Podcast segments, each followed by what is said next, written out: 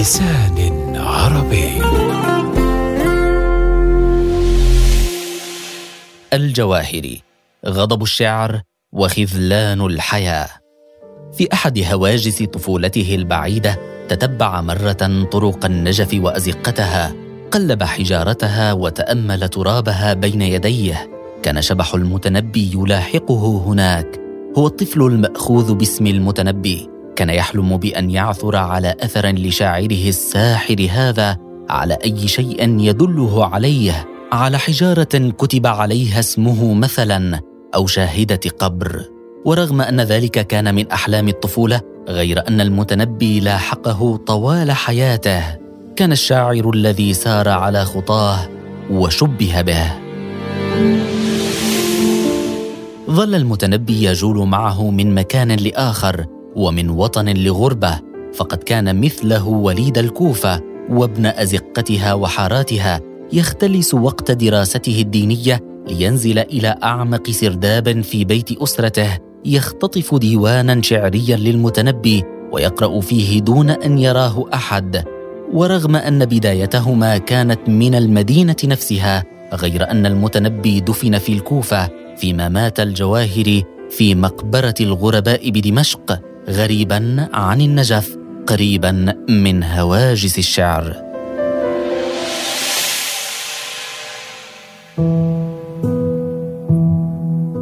لم يكن الجواهري متأكدا تماما من سنة ولادته فبينما المعروف أنها عام 1899 فهو يقول إنها عام 1903 وليس هذا مهما بالنسبة له.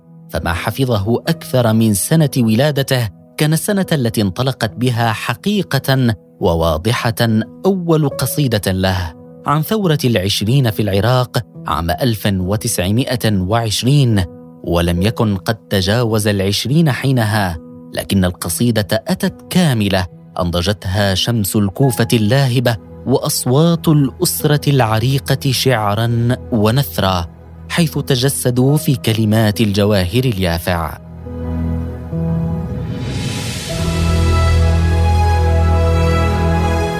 ولد الجواهري وسط عائلة دينية وضعت عليه آمالها في أن يسير بذات الطريق ويعيد لها مجدها القديم. فجد الأسرة الكبير الذي تنتسب له هو محمد الحسن مؤلف كتاب جواهر الكلام في شرح شعائر الإسلام الذي سمي بصاحب الجواهر ومنح اسمه لعائلته من بعده. وفي مدينة كالنجف ممتلئة بالفقهاء وعلماء الدين ظل لعائلة الجواهر اسمها البارز وسمعتها العريقة فانصب الجهد على محمد مهدي الجواهري الطفل الذكي والنابغ ليكون بداية عودة هذه الأسرة إلى مكانها الأصيل.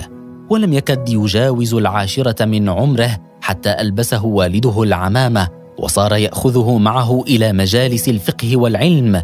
طفل صغير يجاور لحا طويلة وعمائم كبيرة. يسمعهم يتكلمون عن أمور لا يفقه فيها شيئا. يأخذه النعاس حينا والتفكير باللعب والرفاق حينا آخر. ثم وضع له جدول تعليم صارم. لم يكن والده يتسامح به. فقد قرر كيف يريده أن يكون وعليه أن يمتثل غير أن الجواهر الطفل كان يرغب بواقع طفولي يناسبه فكان حين ينتهي من واجباته الدراسية يخرج إلى الزقاق ليلعب مع من بقي من الأطفال. كان الجواهري ينفس عن حاجته للعب في آخر ساعة من النهار كأنه لا يلعب فقط وإنما يصرخ في وجه القسوة تجاه طفولته المكبوتة.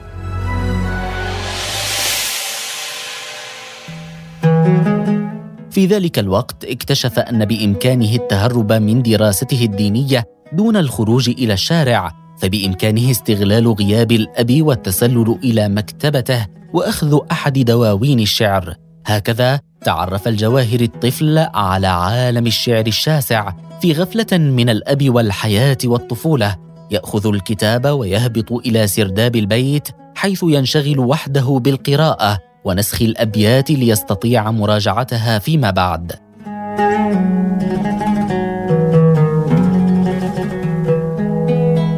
كان ضغط الأسرة على الجواهر وحرمانه من أيام طفولته اللاهية مما أثر على نفسه طيلة حياته وخلق في روحه كل هذه التناقضات ومشاعر الغضب والسخط التي عرف بها وانتقد عليها.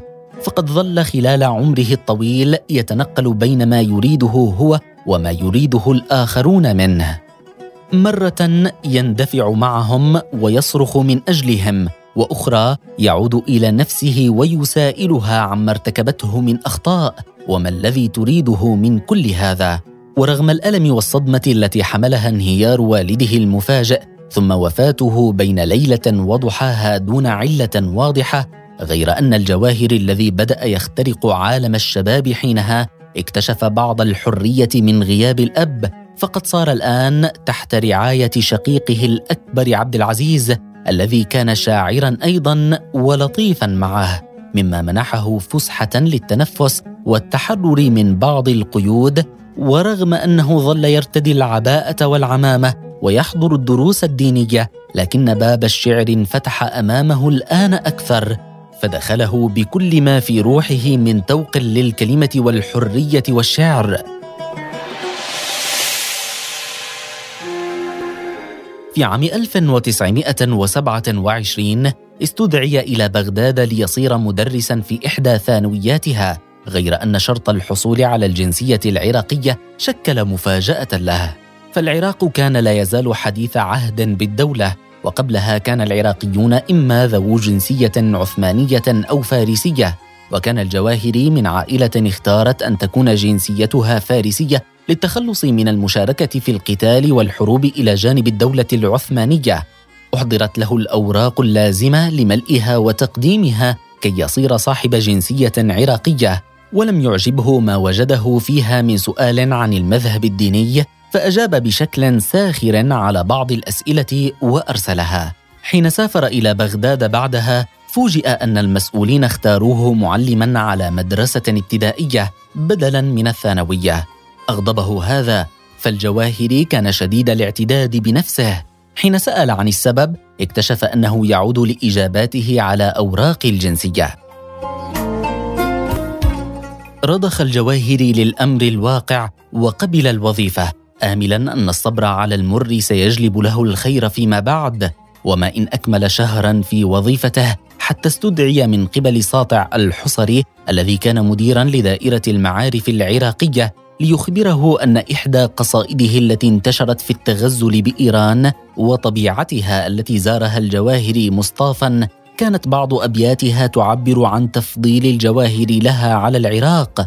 وفيها تهرب من هويته العراقية إلى هوية فارسية فاتهم حينها بكونه شعوبيا وهو يقول في أبياته لي في العراق عصابة لولاهم ما كان محبوبا إلي عراق لا دجلة لولاهم وهي التي عذبة تروق ولا الفرات يذاق هي فارس وهواؤها روح الصبا وسماؤها الأغصان والأوراق.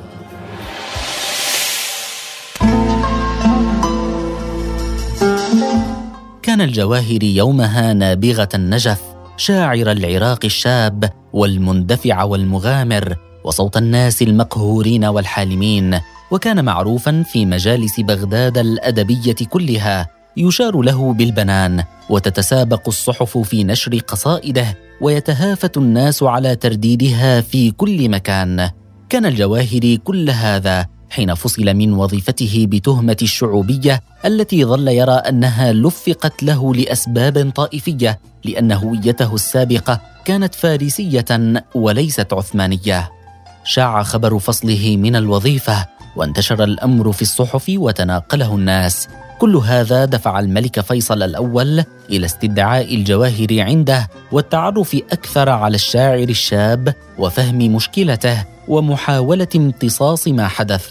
أحب الملك الشاعر الشاب ذا العمامة والرداء الخفيف فعينه في الديوان الملكي فورا.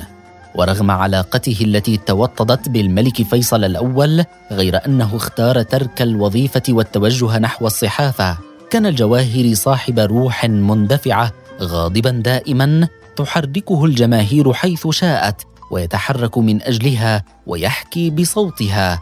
معها هتف بقصيدته أخي جعفر التي كتبها يرثي بها شقيقه الأصغر الذي قتل في مظاهرة منددة بمعاهدة بورتسموث مع بريطانيا عام 1948 أتعلم أن رقاب الطغاة أثقلها الظلم والمأتم؟ وأن بطون العتاة التي من السحت تهضم ما تهضم؟ ومع الجماهير هتف لكل ثورة أو انقلاب حدث في العراق فقد وقف مع انقلاب بكر صدقي على الحكم الملكي عام 1936 ومع انقلاب رشيد عالي الكيلاني عام 1940 ومع انقلاب عبد الكريم قاسم الذي فتك بالعائلة المالكة ونقل العراق للحكم الجمهوري عام 1958 كان يقف معها حقيقة وشعرا. كتب قصائده في كل هذه الانقلابات التي ظنها ستحمل الخير للعراق. لم يكن يمحص النظر كثيرا في من يقود الانقلاب ولا يفكر بآثاره وعواقبه.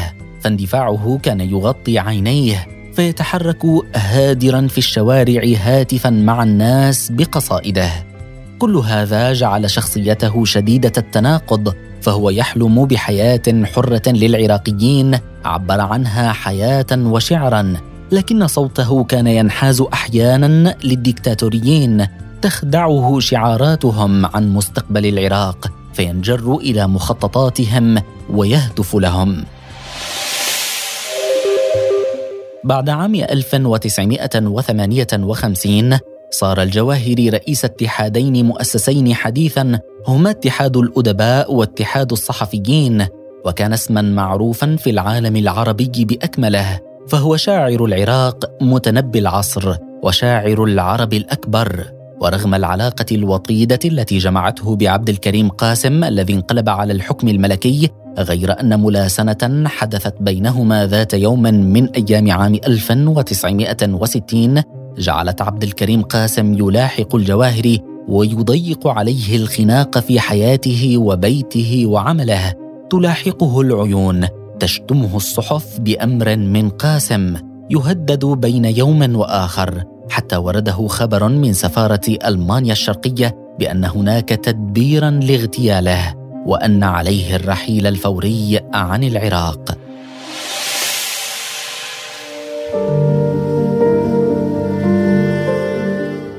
أعد الجواهر حقيبته وسافر إلى بيروت ومنها حطت الطائرة في براغ التي استقبله اتحاد الأدباء فيها استقبالا حافلا ودعاه للاستقرار فيها بدلا من ألمانيا الشرقية. ومنذ ذلك اليوم عام 1961 عندما كان الجواهر في أوائل عقده الستين بدأت أولى محطات غربته. مكث في براغ سبع سنوات بعيدا عن العراق ودجلة الذي كتب عنه وحن إليه كثيرا حتى استدعي من قبل حزب البعث المنقلب الجديد على السلطة عام 1968 طالبا منه العودة لبلده الذي يحتاجه اليوم. ذهب إلى العراق وألقى هناك واحدة من أجمل قصائده. أرح ركابك من أين ومن عثري؟ كفاك جيلان محمولا على خطري. كفاك موحش درب رحت تقطعه كأن مغبره ليل بلا سحر.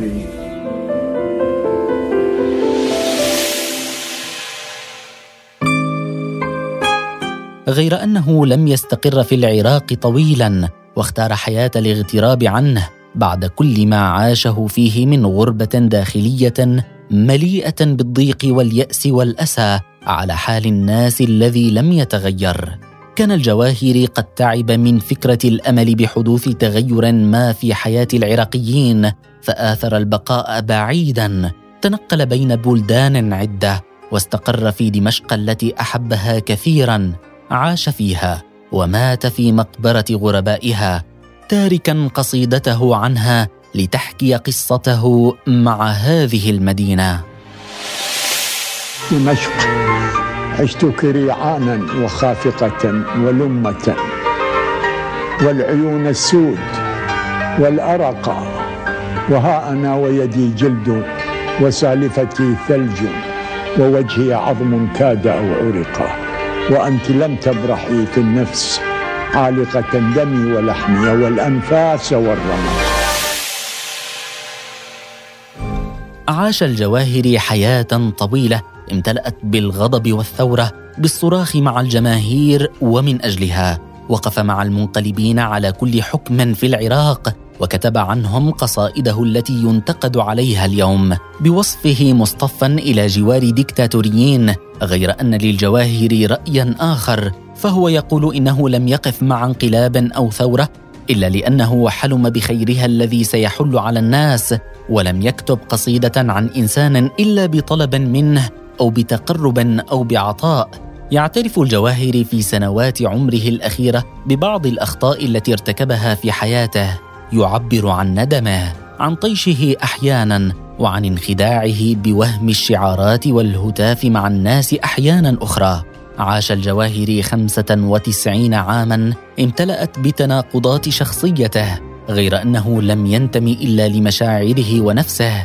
كان إنسانا عاش بصوته الحر وحارب من أجله ولم تهمه الأخطاء ورحل هادئا في النهاية على قبره بدمشق كتب مات بعيدا عن دجلة الخير.